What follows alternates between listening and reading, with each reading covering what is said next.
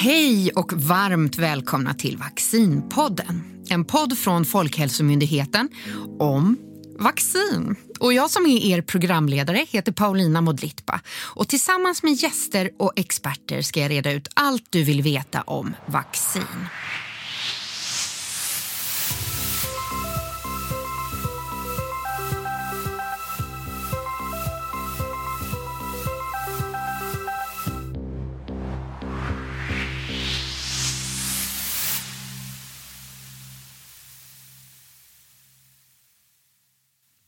Och idag ska vi fokusera på något så spännande som framtiden. För det finns ju som tur är ett liv efter den här pandemin. Men många av er undrar nog hur det egentligen kommer att se ut. Kommer vi kunna återgå till det normala eller måste vi göra vissa anpassningar? Och hur blir det med vaccineringen?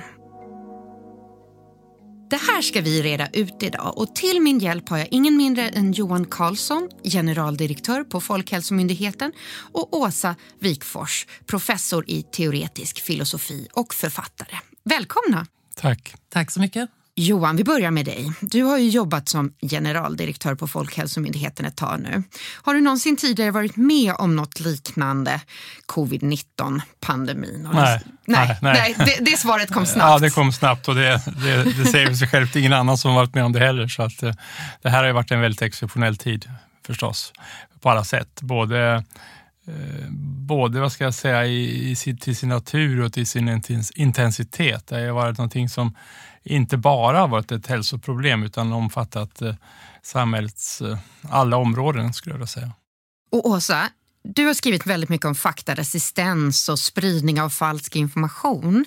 Eh, hur mycket av det här har du sett under covid-19-vaccineringen? Har det liksom förändrats på något sätt eller intensifierats under pandemin?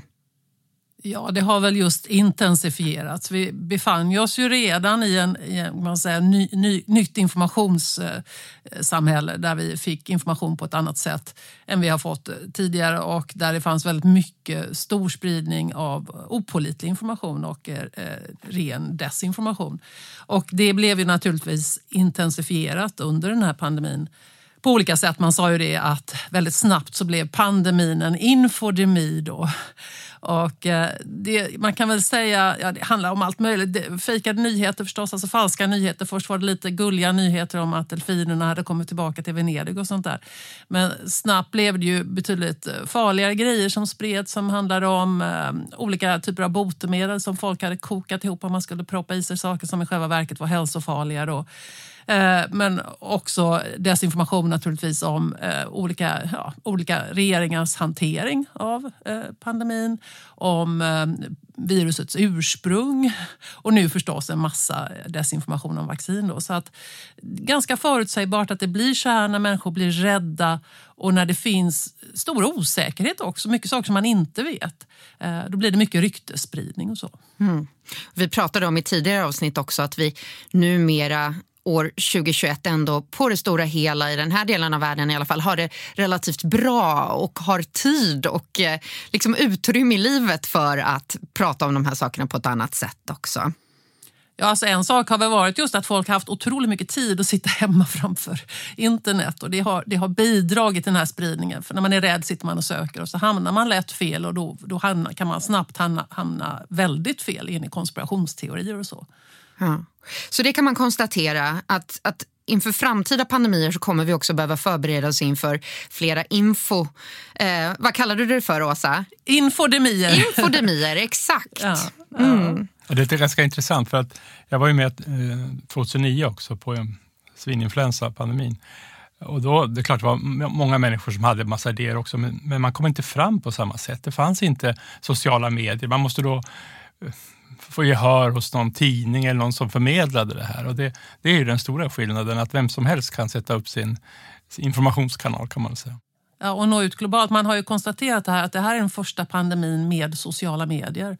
Och det har spelat roll. Och eh, en väldigt intressant fråga vi inte har svaret på än tror jag är vilken roll det också spelar för politiska agerandet. Därför att det blir någon slags, det kan bildas folklig opinion på, på mer eller mindre lösa grunder som, som driver fram politiska beslut tack vare sociala medier. Och det, det ska bli intressant att se efteråt ja, hur, hur, det har sett ut. Mm. idag ska vi ju då eh, prata om det stora, väldigt stora ämnet framtiden. Finns det någonting vi vet helt säkert om framtiden för just covid-19? Ja, jag skulle med ganska stor säkerhet säga att vi, det här är någonting som vi får leva med ganska länge. Eller mycket länge ska jag säga. Det, det här är ju ett virus som finns eh, i hela världen i stort sett. Det är ett virus som har väldigt eh, eh fläckvis spridning med de här Eh, Eh, superspridarna och utbrotten. Så det är väldigt svårt att, att, att förutse var, var det ska uppträda. Det är lite slumpen hur, hur, hur, det, hur det bryter ut. Men att vi kommer att ha det som en, som en faktor när vi pratar om resor, vi pratar om kontroll av inresande och så vidare. Det är jag ganska säker på. Just nu pågår vaccineringen för fullt och förhoppningen är att alla som vill, som är över 18, ska ha fått sin första dos senast i slutet av september 2021. Då. Men vad händer egentligen efter det om vi blickar ännu längre framåt? Kommer vi behöva fortsätta vaccinera oss? Ja, det är ganska sannolikt att det här vaccinet inte har en väldigt lång eh, verkningstid. Alltså det, vi vet inte riktigt hur länge, men, men att åtminstone riskgrupper behöver få en till eh, dos. En, en tredje? Alltså. En tredje dos mm. eh, redan kanske till vintern eller nästa år. Det, det är någonting som vi ändå kalkylerar med. Hur det ser ut sen är svårt att veta. Mm. Och vad vet vi om de här så kallade vågorna som vi kallar det för? Vi har haft tre hittills som jag har räknat rätt och hållit koll på det. Eh, kan det komma fler trots att vi då förhoppningsvis uppnår eh, flockimmunitet? Nej, det är osannolikt. Alltså, givet att vi inte får en, en mutation som är helt udda som vaccinet inte har effekt mot och det är också ganska, ett ganska osannolikt läge eh, så har ju vaccinationerna eh, inneburit att vi, vi behöver inte räkna med stora vågor på det viset. Alltså har vi en hög vaccinationstäckning eh, så kan vi få utbrott, vi kan få spridning i vissa grupper och så vidare, framförallt de ovaccinerade. Då. Men vågor i den här bemärkelsen som vi har sett tidigare, det är ett läge där vi har en ovaccinerad befolkning huvudsakligen. Och Johan, hur troligt är det att det kommer en till pandemi? Hur ser liksom framtiden för pandemier ut? Är det någonting som vi behöver vän, vänja oss vid och kommer se som en, en vardag så småningom? Eller hur ser det ut? ja, kanske inte vardag, men alltså, vi har ju haft pandemier under eh, så långt vi kan blicka tillbaka. Eh, Alltifrån eh, smittkopporna till kolerapandemin och digerdöden, alltså pesten på, på medeltiden. För väldigt länge sedan. För väldigt länge sedan, ja men alltså evolutionsmässigt så är det inte så länge sedan. Alltså, om vi tittar på människans historia, det kan, kan tyckas vara länge sedan men det, några hundra år tillbaka är inte så, så länge sedan egentligen på det viset. Mm. Eh, ja, skillnaden mot förr och nu är att det går mycket fortare nu. För att, för att nu sprids det här med, eh, med de snabba transporterna över hela världen på, på några dagar. Just det. Vi är fler och vi reser mer. Vi, vi, är fler och vi reser mer och det är inte bara att vi reser mer utan vi fraktar varor och tjänster på, på ett uh, tydligare sätt, inte minst matvaror över halva jorden. Uh, så att ja, vi kommer att få, få vänja oss med det men det är inte säkert att det uppkommer så, så tätt så att så att varje generation får, varje, får, får, får se det flera gånger. Vi får förhoppningsvis så ser vi inte den här enorma eh, utbredningen av, av, av ett problem som vi har sett nu. Nu tänker jag att vi ska bli lite filosofiska och då vänder jag mig till dig först, Åsa. Eh, skulle du säga, vi har varit inne på det här lite grann också, har pandemin förändrat samhället i grunden på något sätt ur, ur ditt perspektiv? Ja, det, det, vet vi inte än, tror jag. Om man ser det historiskt så har det ju varit så att eh, livet har återgått till det normala rätt fort efter pandemier. Eh, om det blir annorlunda den här gången, det, det är lite för tidigt att säga. Eh, möjligen så ja, vissa sociala beteenden kommer kanske förändras på sikt. Det känns ju som man inte kommer kramas lika hej friskt som vi alltid har gjort i Sverige tidigare till exempel. Kanske kommer vi tvätta händerna lite mer noggrant resten av livet. Sådär. Men att det är några grundläggande samhällsförändringar tror jag inte pandemin som sådan medför. Däremot kan det ju komma samhällsförändringar indirekt på grund av pandemin och det har man ju sett ett antal länder där där demokratin eh, eh, nedmonteras på grund av pandemin. För man, man har utnyttjat den här möjligheten att stänga ner olika fri och rättigheter och permanenta det. Då. Så att det kan komma sådana indirekta förändringar i, i, i samhällen. Men de direkta förändringarna tror jag helt gissningsvis då inte, kommer inte bli så stora. Tror du att det finns en ökad förberedelse inför det, det ovissa? Nu när man har fått uppleva att en pandemi faktiskt kan slå till så brutalt och så snabbt och oväntat ändå för många. Att man, man är förberedd? Ja, inte på individnivå, det tror jag inte. Det finns väl alltid sådana som planerar för jordens undergång och lägger upp lager med soppa och annat hemma. Ja. Men, eh, jag tror, men man får väl hoppas att politiskt att det finns en vilja att vara mer förberedd vad det gäller de typer av ja, ansiktsskydd och annat, eller vad heter det, munskydd och annat som man behöver så att det finns liksom lager av det som behövs. Och det, det kan man väl tänka sig att det får den typen av... Eh, men det är inte, jag tror inte på individnivå att det kommer få så stora förändringar beroende på hur utvecklingen blir. Jag menar, får vi leva med social distansering ytterligare ett par år då kanske det kan, då kommer det ju få stora konsekvenser för hur vi lever och hur, kulturlivet och annat. Mm. Och Johan, vad säger du? Jag tror också har, har rätt i det stora hela. Det finns en sak som jag jag tror faktiskt att nu har en ny generation fått uppleva att det finns faktiskt faror med smittsamma sjukdomar. Det är någonting som nästan har försvunnit. När jag började jobba i sjukvården, det är ju 40 år sedan nu, så var det fortfarande så att man såg till att, att ta gamla globulinsprutor när man åkte till Medelhavet, för där fanns det smittsam gulsot. Och man, man var rädd eh, för att eh, träffa människor med, med utslag om man var gravid eh, för att då fanns det risk för att det var röda hund som spreds. Det här har vi ju vaccinerat bort eller hygien, med god hygien fått bort och gulsoten och så vidare. Det, det har inte funnits nu på eh, en halv generation åtminstone riktigt de här eh, vad vi tyckte var normala faror för, för 30-40 år sedan det, det, har man nu fått uppleva att det finns faktiskt så och det, och det kommer ju att ligga kvar. Så på den, på den rent privata bogen så tror jag folk har ändå i bakhuvudet att vi kan liksom inte eh, tänka bort de sakerna. Infektionssjukdomarna finns där i bakgrunden hela tiden och eh, sköter vi inte eh, djurhållning, sköter vi inte hygien, sköter vi liksom inte kontrollen av, av av många saker i samhället, alltså vatten och sanitet, och då dyker det upp igen. Och det, vi har varit ganska bortskämda under många år i Sverige på det. Åsa, jag skulle vilja höra dig filosofera lite mer kring vad du tror att vi har lärt oss av den här pandemin som vi kan ha till användning i framtiden. För om det är någonting vi vet säkert så är, är det ju att det kommer fler epidemier i alla fall. Eh, berätta lite, hur ser din framtidsvision ut? ja, alltså man kan ju ställa återigen frågan på samhällsplan och på ett individplan. Men, eh, och på samhällsplanet kommer det bero på hur, vilket land man tittar på, hur man har agerat och hur man har vilken roll experter har spelat i de politiska besluten och så vidare. Det där, det där kommer att diskuteras tror jag och eh, kanske föra med sig vissa förändringar i, beroende på hur de olika eh, styrelseskicken ser ut. Då, helt enkelt. Men det, individplanet är ju intressant också. den frågan. Liksom, finns det någonting, vi har ju alla levt, eller inte alla, men många av oss har levt på ett ganska annorlunda sätt än vad vi brukar göra. Ehm, det, många av oss har jobbat hemma. Ehm, många av oss har, plötsligt, ja, de alla har vi slutat resa på ett sätt som vi gjorde. Vi har inte träffat våra vänner, vi har inte kunnat gå på olika kulturhändelser eh, och sådär. Det ger ju på något vis en, en paus i livet. Man tar ett steg tillbaka från många saker och när man gör det så finns det möjlighet att reflektera över vad som är viktigt. Och, och det tror jag många människor har gjort den här perioden. Vad är det jag saknar? Vad är det som egentligen var saker som jag bara gjorde som inte betydde någonting? Hur vill jag se mitt liv framåt? Och där tror jag faktiskt att där kan det nog bli en, en del förändringar. Man, och det är lite filosofiskt just att tänka vad är viktigt i mitt liv? Vad är värdefullt? Vad gör mitt, mitt liv meningsfullt? Vilka saker kan jag eh, bortse ifrån framöver och vilka saker vill jag fokusera mer på? Eh, och det är min lite anekdotiska erfarenhet av att tala med vänner vänner och andra att det är många människor som har reflekterat runt omkring det där.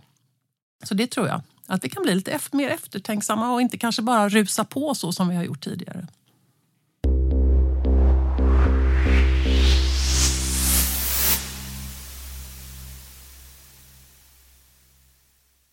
Jag tycker det är väldigt spännande att reflektera lite kring och prata om just kunskap men också rollen av tillit i allt det här. Liksom den grundläggande tilliten eh, som människor känner både för att vaccinera sig till auktoriteter, myndigheter och så vidare.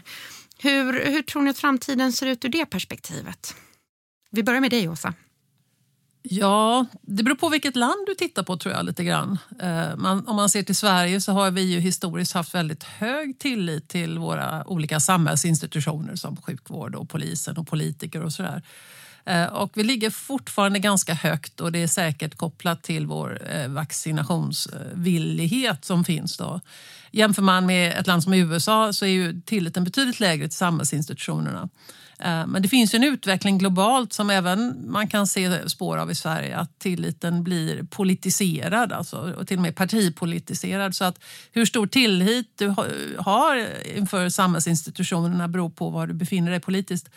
Och det kan naturligtvis på sikt bli, vara väldigt skadligt. Så vi, det, och det finns ju då de som utnyttjar möjligheten att sprida desinformation för att förstärka den här förlusten av tillit hos vissa grupper. Då. Och då handlar det både om statliga aktörer, alltså Ryssland och Kina och andra länder, eh, men också om politiska grupperingar inom landet som försöker på olika sätt underminera tilliten. Och det kan ju få effekt, det har redan fått effekt, så vi får se hur den utvecklingen eh, ser ut. Eh, även i Sverige kan det vara oroande.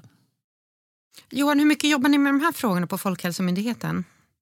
Ja, vi jobbar inte med tillitsfrågorna i sig. Vi försöker arbeta med saken och vara så eh, öppna, och transparenta och tydliga som möjligt. Och det har ju haft god effekt. Alltså, vi har ju haft en väldigt hög tillit till, till Folkhälsomyndigheten men även övriga myndigheter generellt. Och, och budskapen har man tagit till sig. Även om de då ibland har legat lite annorlunda än det har varit i andra länder så har ju människor slutit upp väldigt mycket kring det här. Och, och, och deltagit i, i eh, försöket att trycka undan det här.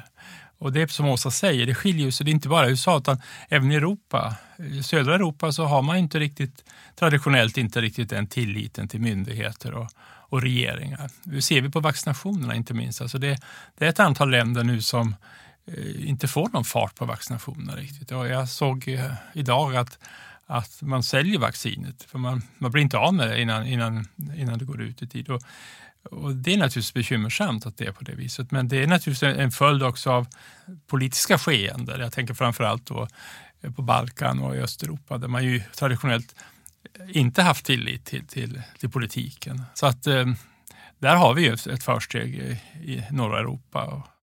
Åsa, hur ska man egentligen som individ och människa förhålla sig till fakta och information när den liksom utvecklas och definieras successivt som den nu har gjort under den här pandemin. Det finns ju vissa saker man bara måste acceptera att det inte finns fakta eller färdig forskning kring. Ja, men det var väl en av de stora utmaningarna. Det var ett nytt virus. Det var mycket vi inte visste initialt. Eh, man kan ju konstatera att forskningen har gjort en otrolig insats det här året och kunskapen har växt eh, till sig på ett sätt som man nog inte kunde föreställa sig för ett, ett och ett halvt år sedan till exempel att vi skulle ha så mycket kunskap att vi hade färdiga vaccin som sprids runt. Men eh, det, det är en sak som har karaktäriserat den här tiden har ju varit just att det varit mycket bråk om vad vi vet och vad vi inte vet. Då. Eh, och eh, det är ju ingen bra attityd att inta när det gäller osäkerhet. Man har ett osäkert kunskapsläge. Då får man acceptera att evidensen, det finns viss evidens som pekar åt ett håll och annan evidens som pekar åt ett annat håll. Och då ska man ha ödmjukhet inför det och inte ha sådär otroligt bestämda övertygelser. Eh, och det gäller både experter. Experterna var ju också oeniga just därför att evidensen var ofullständig. Och då är det extremt viktigt att man för ett bra, öppet, vetenskapligt samtal runt omkring det där så att oenigheten över tid kan rätta till sig genom att man undersöker saker från olika vinklar och ifrågasätter saker och får in mer evidens. Eh, så experterna måste visa ödmjukhet men också vi som är icke-experter måste, måste liksom känna ödmjukheten för det, att det här är ett osäkert kunskapsläge och man bör därför inte ha någon otroligt bestämd övertygelse utan förhålla sig öppen till att vi, vi kanske får veta mer snart men just nu så vet vi ingenting. Eh, inte säkert. Det som är svårt är förstås att man som politiker till exempel ändå måste handla under de här omständigheterna när kunskapsläget är osäkert. Och då får man göra det bästa man kan. Man får försöka ta fram den, den vetenskap, det bästa vetenskapliga underlaget och, och ja, handla utifrån det. Men det kan bli fel och det får man vara inställd på. Jag håller helt med Åsa. Och eh, just framförallt det sista, som, som politiker och kanske framförallt som myndighet då, så, så måste man ju ha en linje. Eh, det innebär ju inte att man är helt säker på att, att, att eh, det här är den enda vägen framåt, men man kan inte gå ut till allmänheten och säga jag vet så lite så det kan göra både si och så eller på alla olika sätt, utan, utan man försöker hitta och eh, det har alla länder gjort. Man har ju trevat sig fram lite och säger att vi, det här är ett sätt vi, vi går fram och så lär man av varandra och så, och så tar man varje steg. Och, och det som har skilt det här eh, kanske från andra det är just den här debatten om vissa frågor som har varit åtminstone av och till kraftfull. Men, men det är precis som Åsa säger, man måste ju ändå ha respekt för att, eh, att man vet ganska lite och, och, och, man måste ändå hitta en väg framåt. Eh, man kan inte passa på det som sagt. Och någonting som du har lyft flera gånger nu under vårt samtal det är just att när man pratar om de här frågorna så, så påverkas ju det av vilket område i världen man pratar om, vilket land man pratar om och vilka typer av attityder man pratar om och så vidare. Ehm, och det råder ju ingen tvekan om att det här är, det här är en global pandemi. Det, det ligger liksom i pandemins natur.